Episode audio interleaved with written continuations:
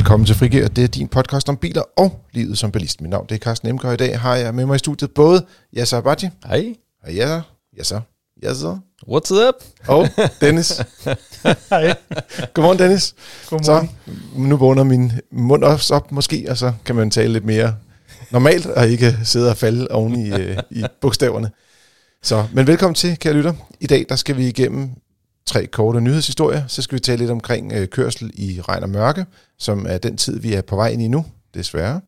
Og så slutter vi af med en øh, forpremiere på en ny elektrisk elbil fra Kina, og et lytterspørgsmål selvfølgelig. Så vi starter i ja, nyhedens tjeneste. Det er Dennis.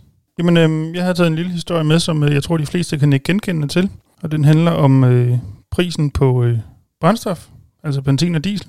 Den er høj. Det tror jeg, dem, der tanker, har lagt mærke til. Den er frygtelig høj, faktisk. Øhm, den er faktisk så høj, at den aldrig har været højere. Øhm, var det 14.09 i tirsdags, tror jeg, ramt op Mm. på som, som listepris. Øhm, der har vi aldrig været op før, ikke i, i rundetal i hvert fald. Nej, man kan sige, hvis du korrigerer lidt for, at i gamle dage øh, kostede en liter mælk øh, Ja, ja, ja, ja. en krone og sådan noget, så har det været så dyrere tidligere, men sådan, dyre før. hvis man kigger på standarden, så har prisen aldrig været højere, end den er nu. Lige præcis, lige Men- præcis. Og, og det er lidt sjovt, fordi at i øh, sådan foråret 2020, hvor det var, at øh, corona virkelig rasede, og alle sad derhjemme, der var priserne faktisk meget lave. Ja. Så der er virkelig sket noget her ja. øh, inden for det sidste, ja, godt, godt et år. Og det bringer os måske også lidt til, hvorfor det egentlig er, det er sådan. Fordi altså, nu er på verdensplan i øvrigt, corona er jo sådan på vej tilbage, heldigvis. Og det betyder så også, at, at den økonomiske vækst er i fremgang. Mm. Det vil sige, at der skal bruges mere brændstof. Det giver større efterspørgsel. Sjovt nok. Samtidig så har øh, de olieproducerende lande øh, producerer ikke alt det, de kan af forskellige årsager. Øh, og det betyder så, at det, der bliver produceret, ikke lever op til det, der er efterspørgsel efter. Ergo, højere priser. Ergo højere priser. Ja. Jeg tror, hvis jeg skulle have taget patent på noget, ikke, så var det den der med udbud efterspørgsel. For jeg synes, man har det i alle ting. Brugte biler, benzin, alt muligt andet. Ej, man kunne tjene kassen på det. Mm. Nå, det kom jeg, der var, der var simpelthen, der var jeg ikke hurtigt nok. Ja, så hvad har du faldet over den her uge? Jamen, øh, vores kollega Bo Christian Kok har skrevet en forpremiere til, og, altså omkring øh, BMW i4. Og er det en bil, du sådan lidt har kigget efter? Ja, det har jeg. Jeg har lidt, øh, jeg kan godt lide den, den, den bayerske motorproducent. Og øh, jeg, glæder, jeg har glædet mig rigtig meget til den her bil.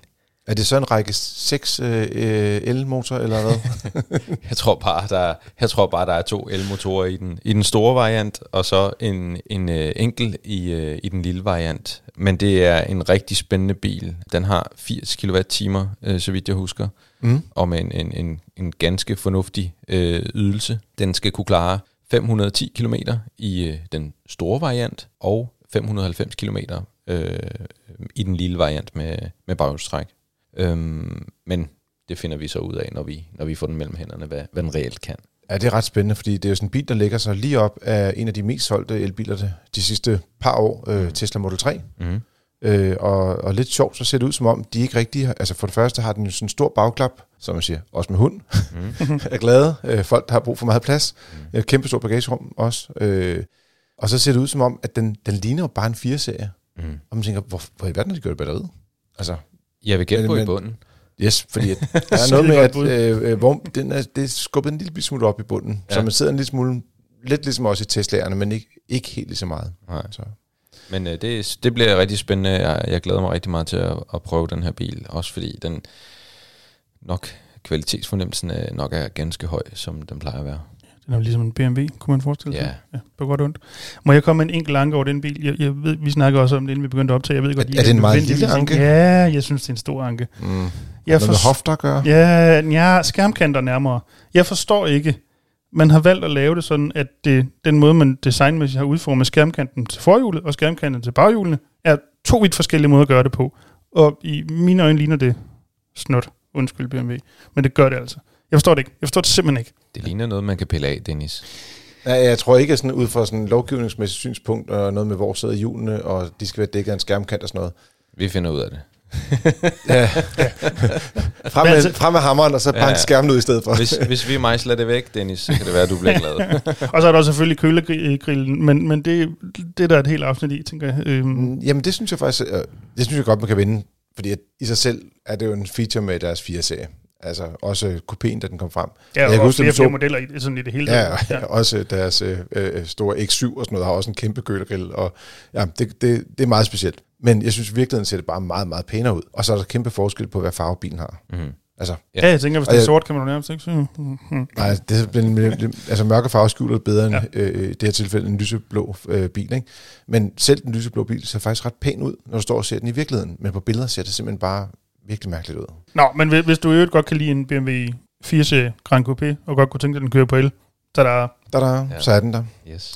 Yes, jamen øh, min nyhed den her uge, det er finalfeltet er blevet offentliggjort til årets bil i Danmark, og der er faktisk, øh, ja, skulle jeg sige, det ændrer sig øh, dag for dag, fordi at der har lige været nogle enkelte biler, der er faldet fra. Der var en Dacia Spring, som ikke kunne nå at dukke op, og vi havde også faktisk en BMW iX, som i sidste øjeblik måtte falde fra desværre. Så den kunne vi ikke nå at få. Øh, Det er sådan, at bilerne skal være introduceret på markedet senest øh, i januar måned øh, 2022 for at kunne blive kåret som årets bil Danmark 2022. Og ja, vi har kåring, jeg skal man sige, indledende runde her om øh, en uges tid, og så øh, bagefter så kommer selve kåring og, og afsløring af årets øh, bil Danmark den, øh, den 30. november. Der er, ja, jeg tror, der er 27 biler indtil videre på den forløbige lister. Øh, har I sådan nogle biler, som I tænker dem, altså ud over Hyundai Ioniq 5, Jeg som I begge to er så glade for? Ja, Kia EV6 måske. Ja, det tænker jeg også lidt om. Jeg så faktisk en ude på vejen øh, i forgårs. Jeg kom til at melde mig ind i en Facebook-gruppe med Kia EV6. Åh, Jamen, jamen ja, du er ikke på Facebook, så du skal ikke sige noget. nej. Øh, er det, det er faktisk fantastisk givende. Også det der med, at man, altså, i virkeligheden synes jeg, man lærer rigtig meget af det. At, der- altså, der er jo, når der er så mange mennesker, der skriver om deres oplevelser, så, så er der rigtig meget indhold, kan man sige. Mm. Men, men i virkeligheden synes jeg, at man lærer rigtig meget, fordi folk ser tingene lidt på forskellige måder, Mm. øh, og man får nogle indspark og nogle input, og øh, altså for mig er det bare sådan, Nå, så ved jeg bare noget mere, før jeg skal ud og køre bilen i virkeligheden. Ikke? Så nå, meget spændende bil også. Det var bare lige en lille reklame på Facebook. Kan også noget. så, selvom, øh, ellers så kan man ringe til Jasser. Han ved resten. Ja, det var det. Jeg vil sige, det, det, vi, vi kommer tilbage til skal man sige, finalisterne i næste uges podcast. Der kommer vi til at tale om de syv, der går med i finalen. Ja. Og så kan vi Når lidt de mere... 27 eller der bliver til 7. Ja, lige ja. præcis. Der er lige 20, der rører ud. Så der er en lille student, der skal, skal gang i på FDM Jyllandsringen i næste uge. Denne uges tema er, sådan kører du i regn og mørke. Øh, det er sådan, at det er en virkelig trist tid at køre i. Men der er også nogle ting, man kan gøre for ligesom at overleve. Så jeg tænker, hvis vi nu tager det allervigtigste råd for at overleve i trafikken, øh, der bliver jeg nødt til at henvise til dig, kære, kære Dennis. Hvad skal man gøre? Altså først og fremmest, når nu det bliver vinter, det bliver mørkt, det bliver og mørkt og vådt, husk nu at sørge for at have lys på bilen. Øhm, det er jo tilbagevendende problem, især med baglygterne. Øhm, Mm. Det tror jeg, de fleste, der kører rundt ud på vejene, kender til. Vi hører jo også om det for vores medlemmer øhm, jævnligt, vil jeg sige. Øhm, at der er stadig nogen derude, som glemmer at få tændt baglygterne, så de kører rundt og er, om jeg så må sige, mørklagt bagfra. Men det er fordi, at der er mange biler i en produktionsperiode på, øh, jeg ved ikke om det er 10 år eller sådan noget, hvor der er, at de har kørelys foran, men hvor baglygterne er slukket. Og så tror man, at du har måske lysinstrumenterne, og du har lidt lys foran, ikke så meget. Og så tror du, alt er godt, men det er det jo ikke. Nej, præcis. Øh, man skal jo op på det, der om jeg så må sige, hedder nærlys, øh, før du har, øh, har baglygterne tændt, medmindre din bil er kodet anderledes end, Mm. end den som udgangspunkt er, altså hvor der kun er kørelys foran. Øhm, det er faktisk også kan være et problem på de øh, helt moderne biler, som jo har lyssensor. Øhm, selvfølgelig ikke, når det bliver mørkt, men hvis det er lyst, øhm, Mm. og for eksempel er toget, så er det ikke sikkert, at der er mørkt nok til, at lyssensoren reagerer. Øhm, men det ændrer ikke på, at omstændigheden er til, at du stadigvæk skal have lys på. Så der skal man så også huske på lige at få drejet knappen, så man får, øh, får lys bagpå. Er der ikke også noget med regn? Altså hvis det regner, så skal man i realiteten også have tændt Jo, jo, altså det er jo, det det er jo også noget, der Det er det er jo et sikkerhedsspørgsmål, ja, hvis man kan sige det præcis. sådan. Altså hvis det er meget, meget, meget, meget, meget fin støvregn, så er det ikke sikkert, det er nødvendigt, men sådan almindelig jævn regn, i, der vil det typisk være nødvendigt at, at, at sætte lys på os.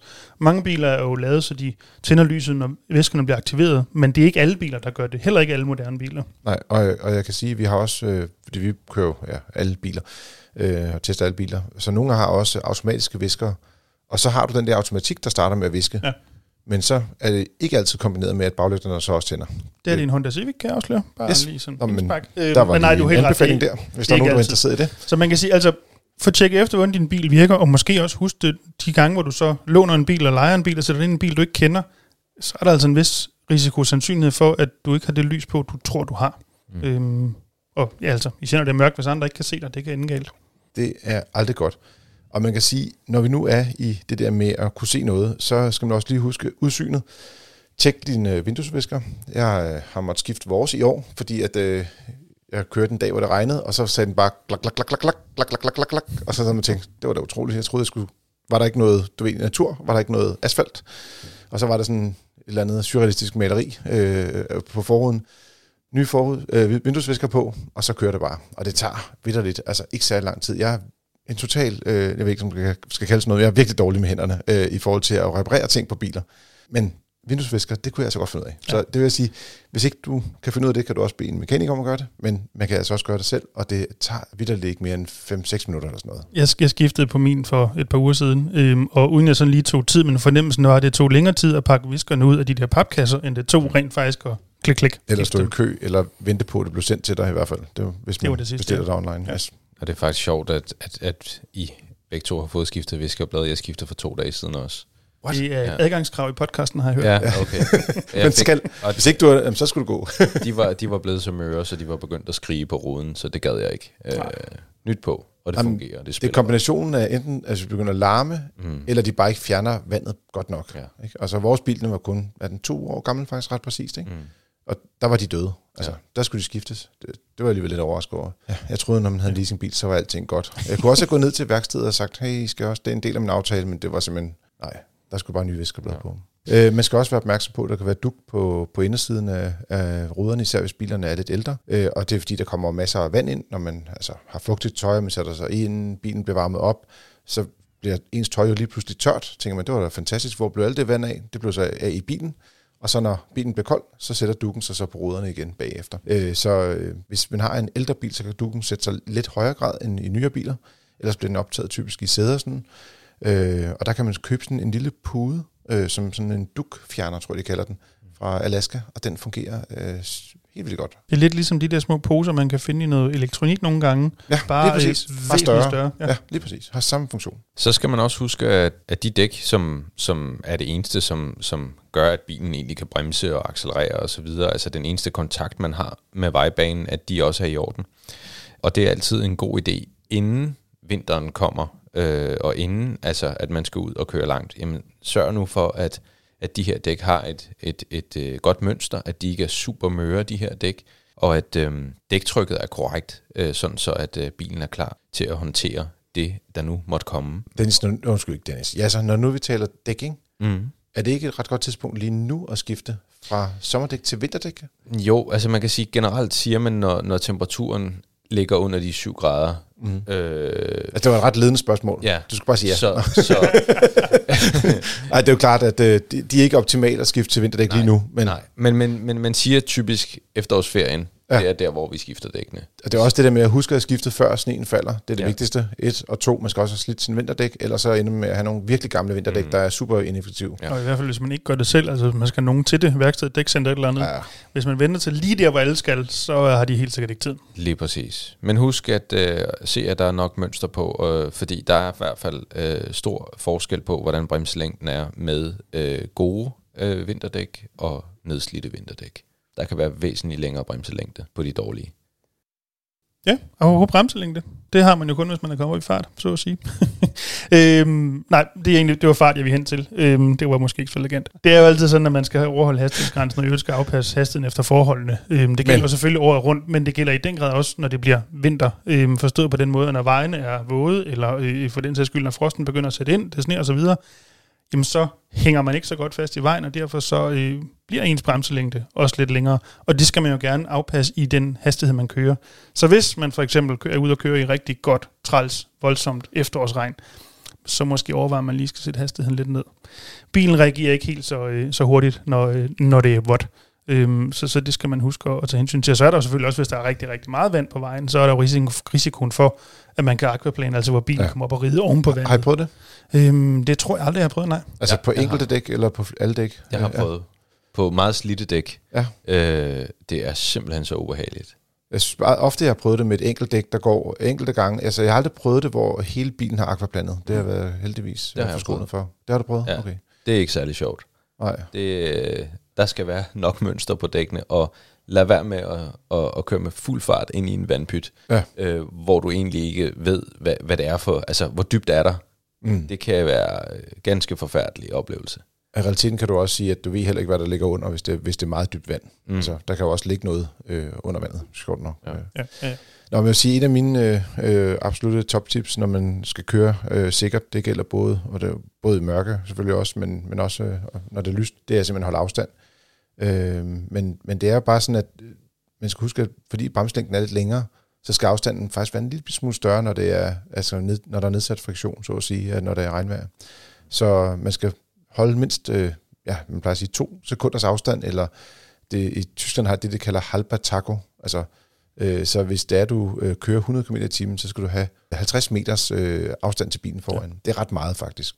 Så øh, Ja, det er ikke for meget, bare sådan for en god undskyld. nej, det er det ikke. Øh, Og hvis man har en adaptiv fartplot, så kan man overlade til bilen. Og der vil jeg sige, hvis der er mange biler, så lad være med at køre på den tætteste afstand. Sæt den lidt op, så der er lidt mere afstand til bilerne foran. Så kører bilen lidt mere smooth, og du får ikke den der acceleration bremse ting hele tiden. I forhold til, til bremsning, øh, nu var vi lidt inde på det før, men, men igen, øh, det her med vand, altså hvordan reagerer bilen, når man kører ned i, i en vandpyt og så videre. Jamen, altså, det kan også være en idé eksempelvis at tage et køreteknisk kurs, ligesom finde ud af, hvad, hvad, hvad kan min bil, hvad, mm. hvad, hvordan, hvordan er det, når det er, man kommer ud i en eller anden katastrofesituation. Øh, det kunne være en rigtig god idé. Øhm, Jeg vil også sige, at det er meget få mennesker, som ved, hvad der sker, når det er, at et, bilen begynder at, altså at ABS'en virkelig begynder at bremse, altså Ja, præcis. banke tilbage i pedalen, Ja. så bliver de bange for den og slipper ja, den. Ja, skal man ikke. Nej. Dårlig idé. En anden ting, det er, hvor meget kan man egentlig gøre med bilen, når først man er i sådan en situation, hvor bilen er på ABS'en. Og man kan faktisk gøre overraskende meget. Ja, og, altså. Og, det, det, og det er blandt andet derfor, jeg siger, at det kunne være en god idé at, at, ligesom at, at, at prøve at se, hvad kan den her bil rent faktisk. Øh, sådan som, når, når det er, man står i en eller anden katastrofesituation, jamen så, så ved man, jamen det er bare pedalen i bund, og det er bremsepedalen. Så, øh, så Det, det, det, det er helt sikkert. Hvis man har prøvet det under sikre forhold, så reagerer man bedre den dag, hvor det måtte gå galt. lige præcis. Mm. Jeg vil sige, hvis vi lige skal runde hele det her mørke tema af, regntema af, så vil jeg sige, der er også det med, at når det bliver mørkt, og man bliver ældre især, så får man noget, der hedder et mørkesyn. Og det, det er ikke sådan noget med, om, hvordan man ser på øh, andre mennesker og sådan noget. det er simpelthen et spørgsmål om, at man ikke... Øh, det er heller ikke noget med at være mørkemænd, tror jeg. Det ikke også noget, der hedder det? Jo, det er også noget, hedder. Men, men det her, det handler simpelthen om, at øjnene bliver bare dårligere til at se noget, når det bliver mørkt. Og øh, hvad det, der kan man faktisk øh, få lidt hjælp med at få nogle briller til, øh, som kan hjælpe en med at få bedre syn i mørke. Øh, der er også nogen, der siger, at hvis man har gule briller på, så hjælper det også lidt. Jeg har prøvet at køre med det, og jeg vil sige, jeg synes ikke rigtigt, det gør den store forskel. Men det kan være, at det giver noget for nogen. Men øh, i hvert fald skal man være opmærksom på, at det er, at det er meget svært at se ting i mørke, øh, og, og især når man bliver ældre.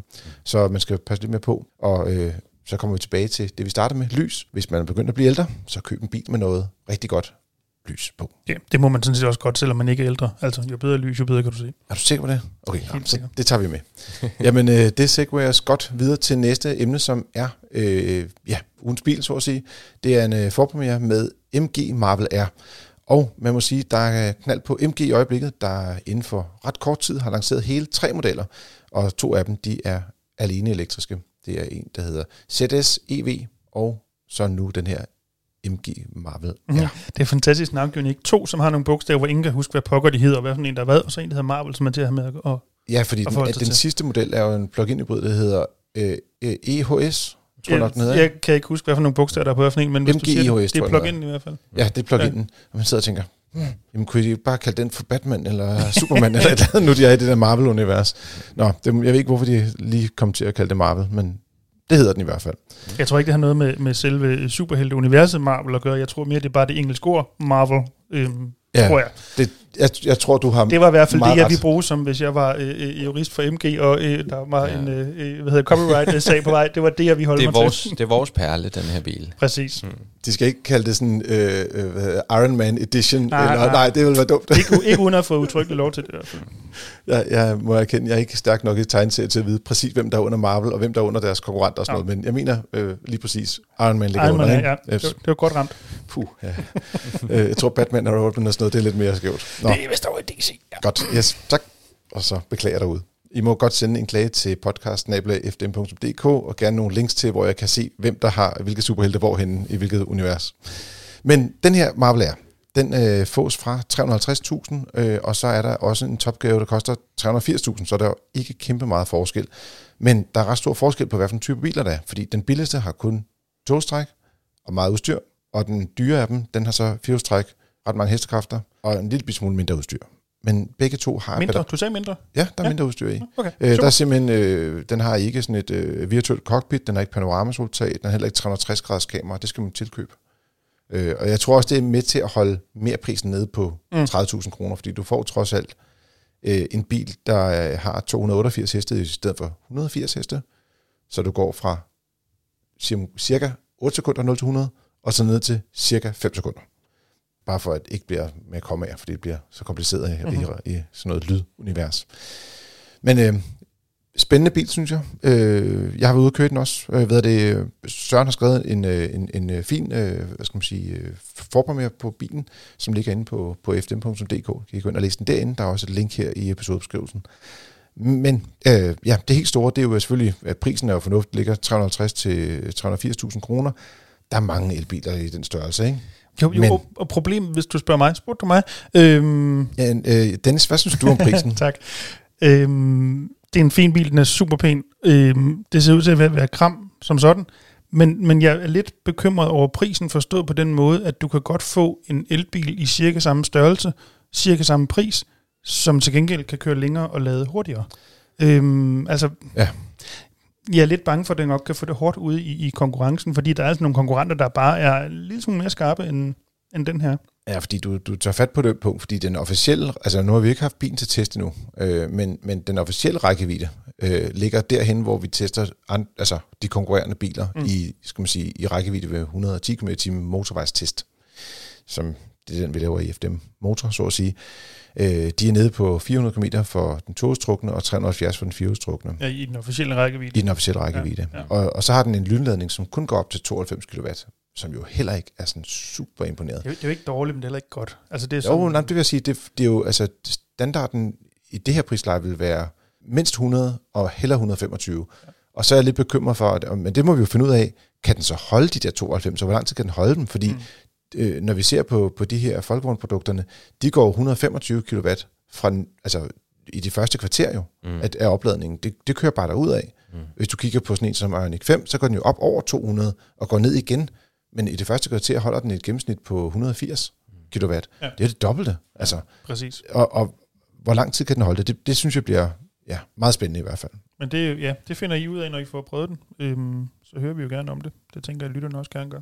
Jeg, der, jeg synes også, det er sådan en bil, hvor der, er, man synes, der, det, det er også lidt spændende det her med øh, kinesiske elbiler, og hvor, altså der kommer rigtig mange nu, og den er jo altså markant bedre end øh, den der ZS-EV, som vi jo i øvrigt også talte om, øh, var det sidste uge, med at der kom et facelift af den, og havde fået større batteri og længere rækkevidde og sådan noget, øh, som den jo så i den grad også havde brug for. Ikke? Øh, og man kan mærke, at kvalitetsfornemmelsen er øh, altså markant lækre i den her, som man sige, anden elbil, de, de har introduceret. Man kan altså I også se på ikke? designet, at det er blevet meget mere, kan vi kalde det modent, altså ikke fordi det er kedeligt, men, men det, er, det er et meget bedre design, end, end den første elbil var.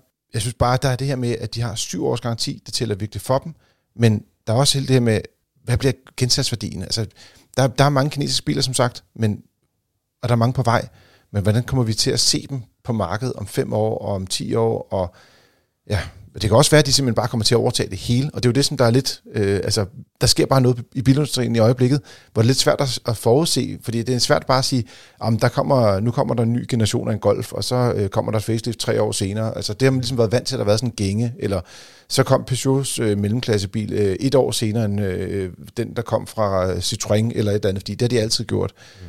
Lige nu, der er altså, alt er kastet op i luften, og folk skyder til højre og venstre, ikke? Altså det, det er totalt kaos. Der er, altså, det, der, jeg tror, nu, nu har jeg været i branchen i, i en del år efterhånden, og jeg har aldrig oplevet sådan en disruption som nu. Altså, virkelig.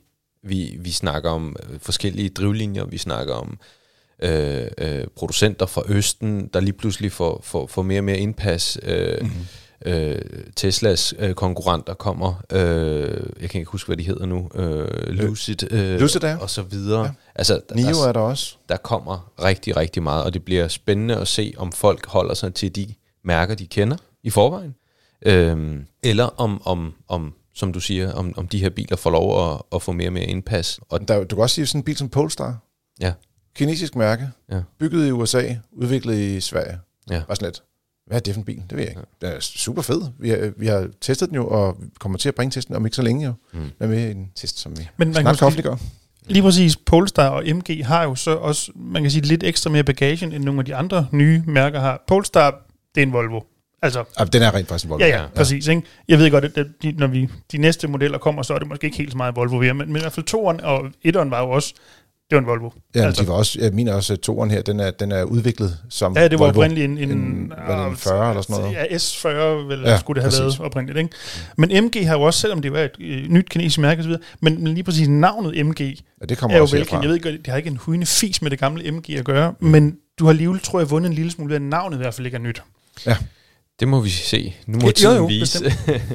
Jeg vil sige, nogle af de ting, hvor det er, at man, hvis vi bare lige skal huske at- hæfte på øh, sådan et øh, øh, statistik eller data her til allersidst, så er det, at øh, den kan trække 760 kilo på, på krogen, øh, og det er jo bedre end 0, men det er heller ikke lige så fedt som dem, der kan trække 1000 eller 1500 kilo. Øh, og så øh, har den et bagagerum, som er på 357 liter. Og når man ser bilen, som jo er en stor altså mellemklasse SUV, og så ser bagagerum, som er på størrelse med en Polo, så er der, der er et eller andet, der går galt. Ikke? Altså, Mm. mm. der, der, har de, der har de i hvert fald fejlet. Det synes jeg helt klart, at det er en fejl i hvert fald. Ja. Det, det, det er ikke godt nok. Og så, øh, så har de faktisk kun frunk i luxury-udgaven, altså den der med tolstræk. Den med performance, den har ikke nogen frunk.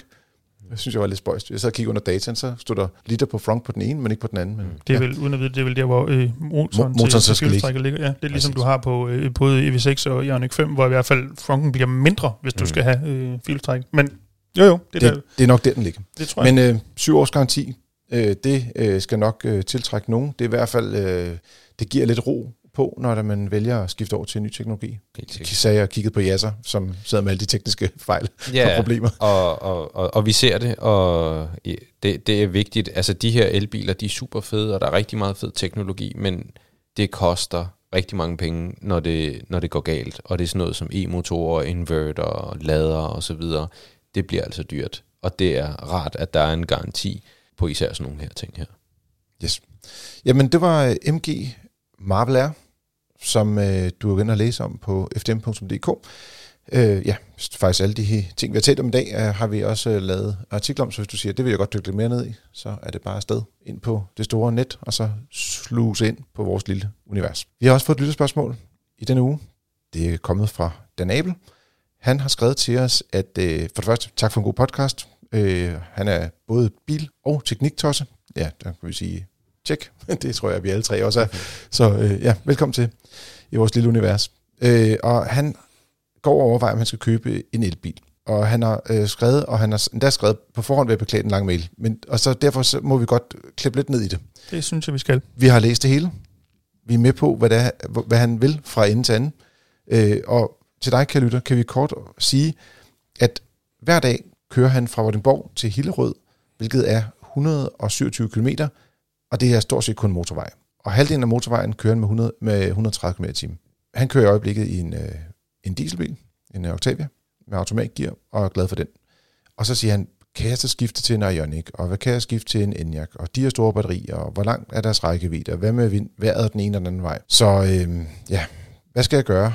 Øh, skal jeg holde mig til diesel, eller skal jeg skifte til elektrisk? Det er den korte udgave. Hvem starter?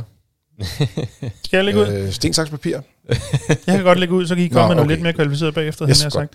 Øhm, jeg tænker jo, nej, jeg tænker faktisk to ting. Det ene, det er øh, med 2 gange 127 km kørsel hver dag, så synes jeg, det er helt fair at have en dieselbil. Det er jo lige præcis det, at dieselbilen har sin force. Så det er jo ikke fordi, at der er noget i vejen med at have en dieselbil her overhovedet. Men... Øhm, Nå, det men- andet, der er et men også. Jamen, jeg tænker to ting. Det andet, jeg tænker, det er, jamen 2 gange 127, der kan man jo sådan set godt rigeligt i øvrigt- klare sig med en, og nu kalder jeg det så moderne elbil, altså nogle af dem, han for eksempel nævner, øhm, Mhm. Enyaq, øh, Ioniq 5 og så videre.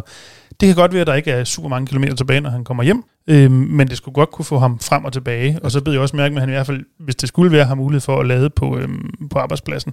Øh, Det hjælper i hvert fald også. Så altså, Ja, men Jeg der var han ikke, ikke- sikker på, at han kunne lade. skal ej, jeg tror mere, han ikke gad hver dag, hvis, eller ikke, ikke gad være afhængig af det, var Ja. ja. den rigtige form. Ja, lige præcis. og, og fred med det. Øhm, men jeg tror egentlig, det jeg bare tænker, det er, det er i hvert fald ikke umuligt med en elbil, men det er heller ikke, fordi jeg synes, at en dieselbil er et dårligt valg til det kørselsmønster. Mm. Ja, så. Jeg er fuldstændig enig med Dennis. Altså det her, det er, altså det, det er ikke one size fits all. Det er det altså ikke. Og, og, og, for, og man skal ikke have så dårlig samvittighed over, at man kører i en dieselbil. Altså en dieselbil, den kører langt på en liter brændstof. Mm. Og, og, og, og til det her formål, kan man sige, med, med de her, øh, altså 130 km i timen, og det er jo pendling, og det er jo det, øh, en, en, en dieselmotor er konstrueret til. Øhm, og, og det er ikke, altså det er ikke elbilens force, og, og altså den kan ikke tanke så hurtigt, øh, sådan, en, sådan en elbil, og hvis ikke han kan få strøm på sin bil mm. på, på, på arbejdet, jamen så kan han godt stå i en situation, hvor at bilen om x antal år, og når batteriet er degraderet, og når han har brug for varme i kabinen osv., mm. og så videre, jamen så, så, så, så bliver det altså et, et, et stressmoment. Øh, og det er ikke sikkert, at, at, at det lige er... Altså, jeg, jeg vil ikke selv øh, gøre det her. Øh, sådan som han beskriver hans kørselsbehov øh, med 50.000 km årligt, og mm. han vil gerne have en buffer på 50 km. Altså, de kommer jo ikke af ingenting. Altså, der er kun den kapacitet, som, som der er i bilen. Og hvis ikke den er tilstrækkelig til hans behov, mm, så er det ikke den bil, han skal have. Til gengæld, hvis vi må, må jeg sparke en tanke mere ind. Ja, ja selvfølgelig. I og med, at han så også har det store øh, øh, kørselsbehov, altså de 50.000 om året, hvis han kan klare sig med en elbil, så den besparelse i, på, på øh, driftsomkostninger, han kan opnå, er jo voldsom, især hvis han faktisk tegner sig et abonnement, fordi han kører så mange kilometer, det giver super god mening. Så det er måske også bare ved at tage med i, i ligningen, at der kan være en, en økonomisk gevinst, eller der vil være en økonomisk gevinst mm. Altså principielt er jeg enig, enig med jer, men så vil jeg bare men, for, for princippets skyld være uenig, mm. og så sige, han kan jo godt vælge en elbil, hvis han vil. Han skal så ikke vælge en Ioniq 5, fordi den så har et relativt lille batteri og en dårlig øh, energieffektivitet. Men hvis han for eksempel vælger en øh, Tesla Model Y, kunne det være, det ville faktisk være en bil, han kunne holde for samme budget som en Octavia, vil jeg sige, når han kører så mange kilometer. Netop når du siger, altså når du kigger på økonomi, altså sådan noget, øh, det, det skal være en bil, der kan lade rimelig hurtigt, hvor der er en god ladeinfrastruktur på, og som har stort batteri og en lang rækkevidde. Det kunne også godt være øh, de, de store, altså folkevogne med de store batterier, eller Audi Q4 og sådan noget. De kunne godt klare det. Øh, jeg, jeg tror også, der er en anden ting, det er, jeg tror egentlig ikke, at bilerne ender med at få meget større batterier. Det kan godt være, de kommer til at lade lidt hurtigere. Jeg, jeg tror ikke, du får meget mere rækkevidde i elbilerne om fem år. Jeg tror bare, der er flere steder, du kan lade. Mm. Så det der med, at han er lidt nervøs for, at om, om han skal være afhængig af at kunne lade på sin arbejdsplads, han kan godt gøre det nu, men jeg kan også godt forstå, hvis det er, at alle står og skifter til elbil, så, altså, så er otte øh, eloplader, de er jo lynhurtigt optaget, ikke? så det kan han jo ikke være afhængig af. Nej, nej. Så, øh, men, men de første på vil han godt kunne rejse. Altså, ja, det er sådan en udfordring, at når du kører, hvis du kører 130, så er rækkevidden øh, sådan i underkanten af 300 km mm. øh, på, på en opladning. Ikke? Jo. Øh, og, og, og det om sommeren, og så vil du tage lidt af om vinteren også. Ikke? Nu er det så heldigvis kun halvdelen af hans kørsel, der er 130. Mm. Så jeg tror godt, han vil kunne klare sig med de biler, der har de store batterier. Mm. Men de små batterier og de, øh, skal man sige, øh, de biler med stort frontareal, som en Ioniq 5, mm. øh, de vil ikke kunne rumme det. Den vil være god, hvis han kunne lade undervejs, øh, lynlade og sådan noget, men der er alligevel, han, han, han kommer på kanten, og han får jo ikke 100 km rækkevidde, når han kommer hjem, og de 50 km, det er mere om sommeren end om vinteren, ikke? Øh, men der vil jeg så sige, nu har jeg efterhånden kørt elbil så meget, at altså, man bliver altså ikke stresset over at komme hjem med 20 km. Bare man kommer hjem med, altså bare, der bare man kommer hjem. Bare man kommer hjem. jeg har endda kørt en, en test, hvor jeg kørte øh, øh, 3 km med 0 km på tælleren. Mm. Bilen kører stadigvæk. Mm. Der er stadig varme på. Det bliver den ikke ved med. Altså. Nej, nej, det stopper på et tidspunkt. Det har jeg også prøvet. så, men, øh, det kan, men det tog lang tid. Jeg vil bare sige, man skal ikke være så bange for det der. Man behøver ikke at have en stor buffer. Altså, øh, men det er klart, at øh, hvis han skal beholde bilen længere tid, og han kører 50.000 om året og sådan noget, så kommer der en lille degradering af batteriet. Men det skal han heller ikke være så bange for, synes jeg vel. Altså, altså det er jo ikke, man mister jo ikke øh, altså, 20 procent af kapaciteten på, på fire år, vel? Altså. Nej, det, det, det tror jeg ikke. Altså, det, det, det, som, det, som jeg tænker, det er, at han har et, et kæmpe kørselsbehov. Altså 50.000 km om året. Jeg synes, han skal køre den dieselbil ned, og så se, hvad der er på det tidspunkt, hvor mm. han, han ligesom har kørt den her bil ned jamen så kan man se, hvad er der derude. Fordi batteriteknologier bliver bedre, og batterier, de, altså, de, de, øh, de går ikke i stykker så, så, så hurtigt, som folk de frygter. Altså det mm. her, det er jo ikke... Øh, Nej, eller, eller at vi har frygtet, fordi Nej, på et tidspunkt har vi også sådan sagt nok, uh, det går nok. Øh, på et tidspunkt øh, mister du lige mm. 20% kapacitet og sådan noget, men det har jo vist sig at være, øh, altså slet ikke at være så slemt, mm. som vi har frygtet ja. i hvert fald. Ja, heldigvis, fordi man kan sige, at det her, det her er jo ikke simple mobiltelefoner eller, øh, eller noget, altså det her, det er avancerede batterisystemer, og, og, og fabrikanten har gjort alt, hvad de kan for at passe på det her batteri. Og hvis man også selv passer på sin bil øh, og, og, og kører den ordentligt osv., så, jamen, så kan man også godt have bil i rigtig, rigtig mange år. Men i forhold til, at, at en bil den kører 50.000 km om året, og den har kørt 200.000 på fire år, så bliver en bil slidt, uanset om det er en elbil eller en dieselbil. Og så må man også forvente et værditab. Og så er spørgsmålet, fordi han skal også have den krølle med med værditabet. Den Octavia, han har, den kunne jeg forstå, den skulle også øh, betales færdig. Mm. Øh, så jeg tænker, at han skulle køre, Lige kørt den ned, det tænker jeg. Men der kommer også et kæmpe skift, og nu skal vi nok lugte, kære lytter, men øh, når det er, at du flytter 50.000 km fra diesel eller benzin og så over på strøm, Mm. Altså med det strømmix, vi har lige nu, så kommer der også til at være en, altså en, en stor miljøgevinst i hvert fald. Mm. Jo, Øh, helt sikkert. bestemt. Og ikke mindst for nærmiljøet, men nu kører han så mest motorvej. Så. Så øh, den konklusionen det er på den ene side, på den anden side, og ja, måske, men alligevel ikke. Øhm, Gør det, du har lyst til. Ja, vi støtter præcis. dig i begge retninger. nej, vi håber, du kunne bruge vores input til et eller andet, selvom det ikke var et super klart svar, vi kunne Jeg komme med. synes, jeg synes, Jamen, jeg er så for stærk. For, jeg synes bare lige for at, at, at slutte det hele af her. Jeg synes, at øh, han skal låne en elbil i så streng frost som overhovedet muligt. Køre 130 øh, km i timen over øh, en, et, øh, altså et, Kan, kan ikke bare prøve at se, om man kan finde en ven i omgangskredsen, der har øh, købt en ID4 eller en Tesla skal, Model Y eller noget selv, tredje han skal selv af gøre den det. type, og så låner han bilen en uge og kører Lige til og præcis. fra arbejde. Lige præcis. Der er lige lidt mobleden derhjemme, det må han lige finde ud Ja, af, ja. men, men den skal selvfølgelig kunne lades helt op Hvis- i løbet af natten. Hvis han prøver det på egen krop, så kan man ligesom danne sig et indtryk af, har jeg temperamentet til det her, Mm. eller hvordan ser det ja. ud? Helt sikkert. Yes. Du har lyttet til Frigir. Det er din podcast om biler og livet som bilist. Du må gerne give os nogle stjerner i din podcast-app og anbefale os til din ven, Jasser. Tak for i dag. Tak for i dag. Også dig, Dennis. Det siger Det har jeg været som altid hyggeligt, selvom du øh, var meget sur på de der kanter på BMW i4. Jo, Det jo. må vi leve med. Og til dig, kære lytter, vi høres ved. Og god tur derude.